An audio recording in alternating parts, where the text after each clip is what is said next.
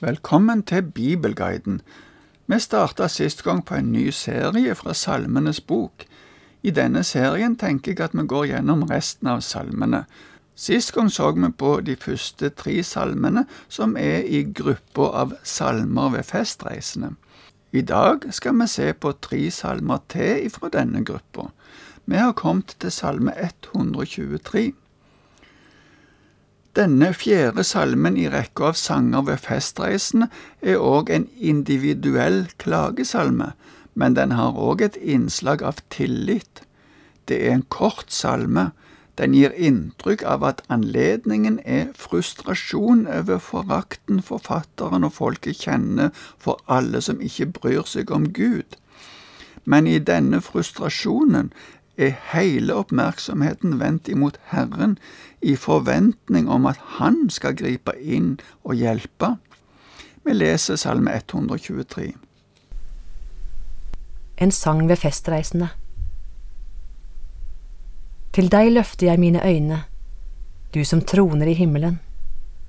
Som tjeneres øyne følger Herrens hånd, som tjenestekvinnens øyne følger husfruens hånd slik følger våre øyne Herren vår Gud, helt til Han viser oss nåde.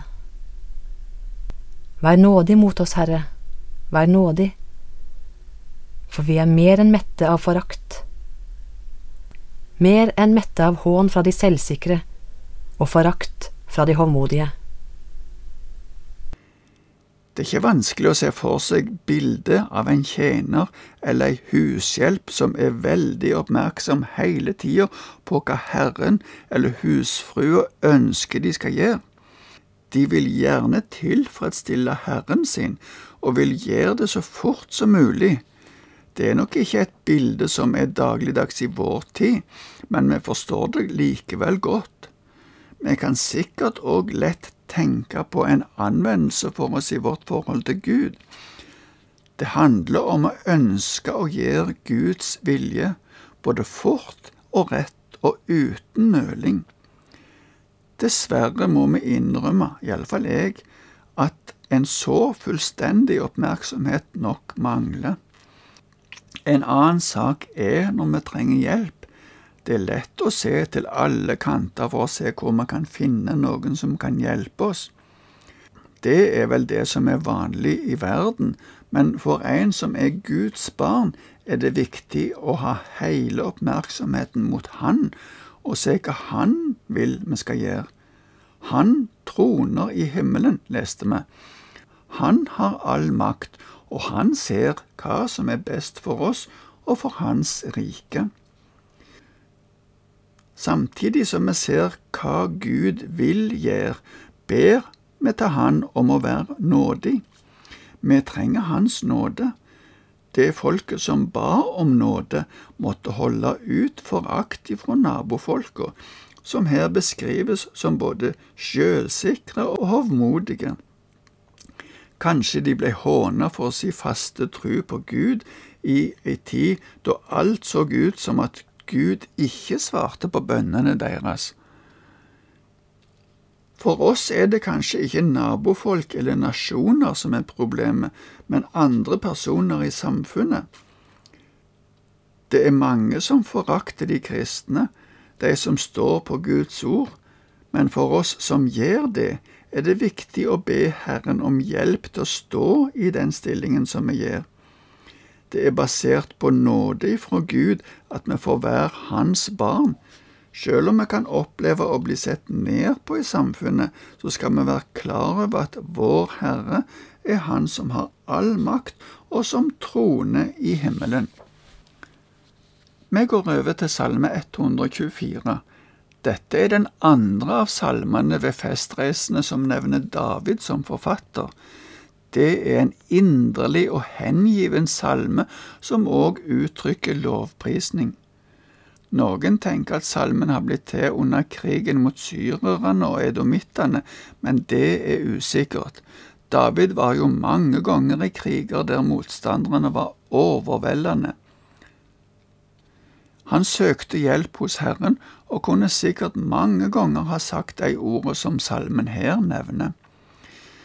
David hadde hele livet tillit til at Gud var med og hjalp både han og folket. Salmen kan òg se ut som det er laga for høytlesning, slik at forsamlingen kunne svare det som salmen avslutter med. Det var mange salmer som ble brukt som vekselsanger, der prestene eller forsangerne sa noe, og så svarte forsamlingen i kor, enten det bare var en setning på slutten eller et refreng som gikk igjen flere ganger i salmen. Men nå skal vi lese Salme 124. En sang ved festreisende av David. Hadde ikke Herren vært med oss, skal Israel si.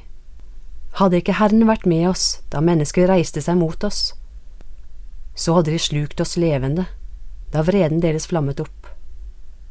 Så hadde vannet skylt over oss, flommen strømmet over oss så hadde det veldige vannet strømmet over oss. Velsignet er Herren, som ikke ga oss til rov for deres tenner. Vi slapp fri som fuglen fra jegerens snare. Snaren røk, og vi slapp fri. Vår hjelp er i Herrens navn, Han som skapte himmel og jord. Vi kan òg si til oss sjøl og andre at hvis ikke Herren hadde vært med oss, ville situasjonen for oss ha vært en helt annen. Uttrykket for Herren her, det er det guddommelige navnet som jødene slutta å uttale fordi det var så hellig, at de ikke ville krenke Gud med å uttale det feil.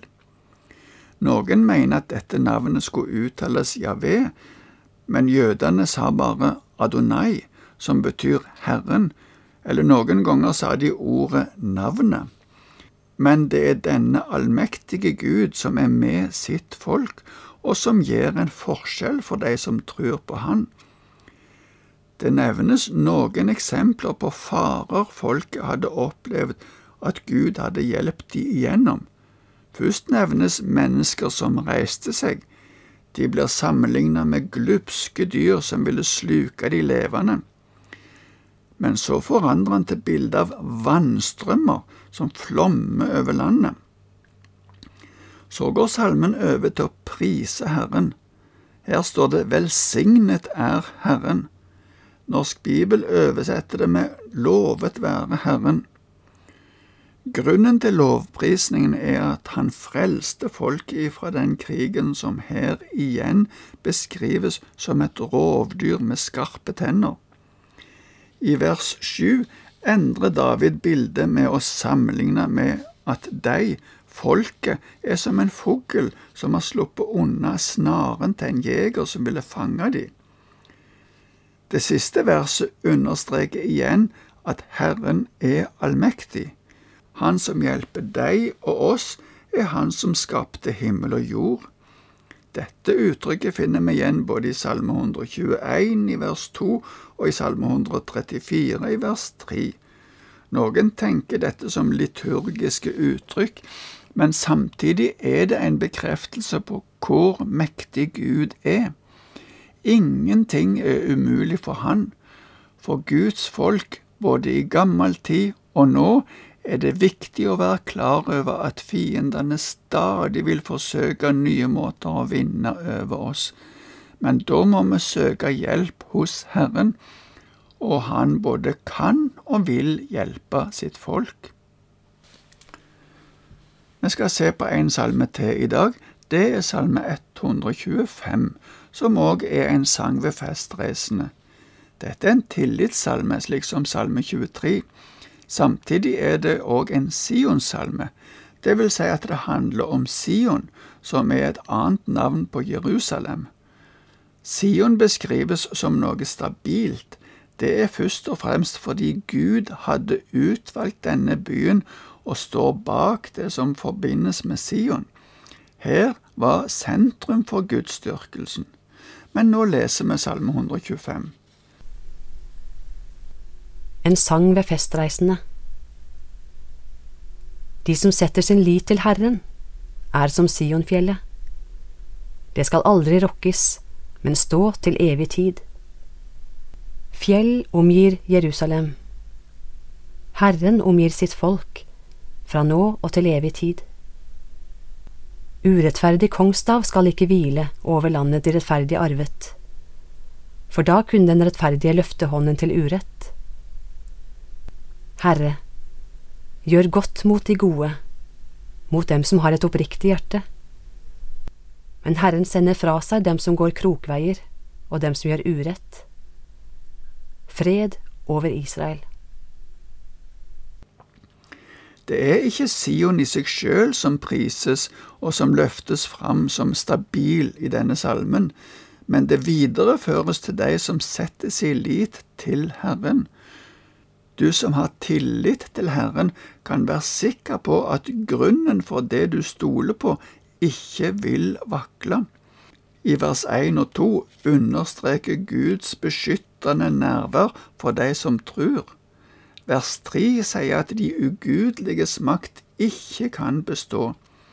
Vers 4 er ei bønn for de gode og oppriktige, og vers 5 er ei bønn om fred for Israel.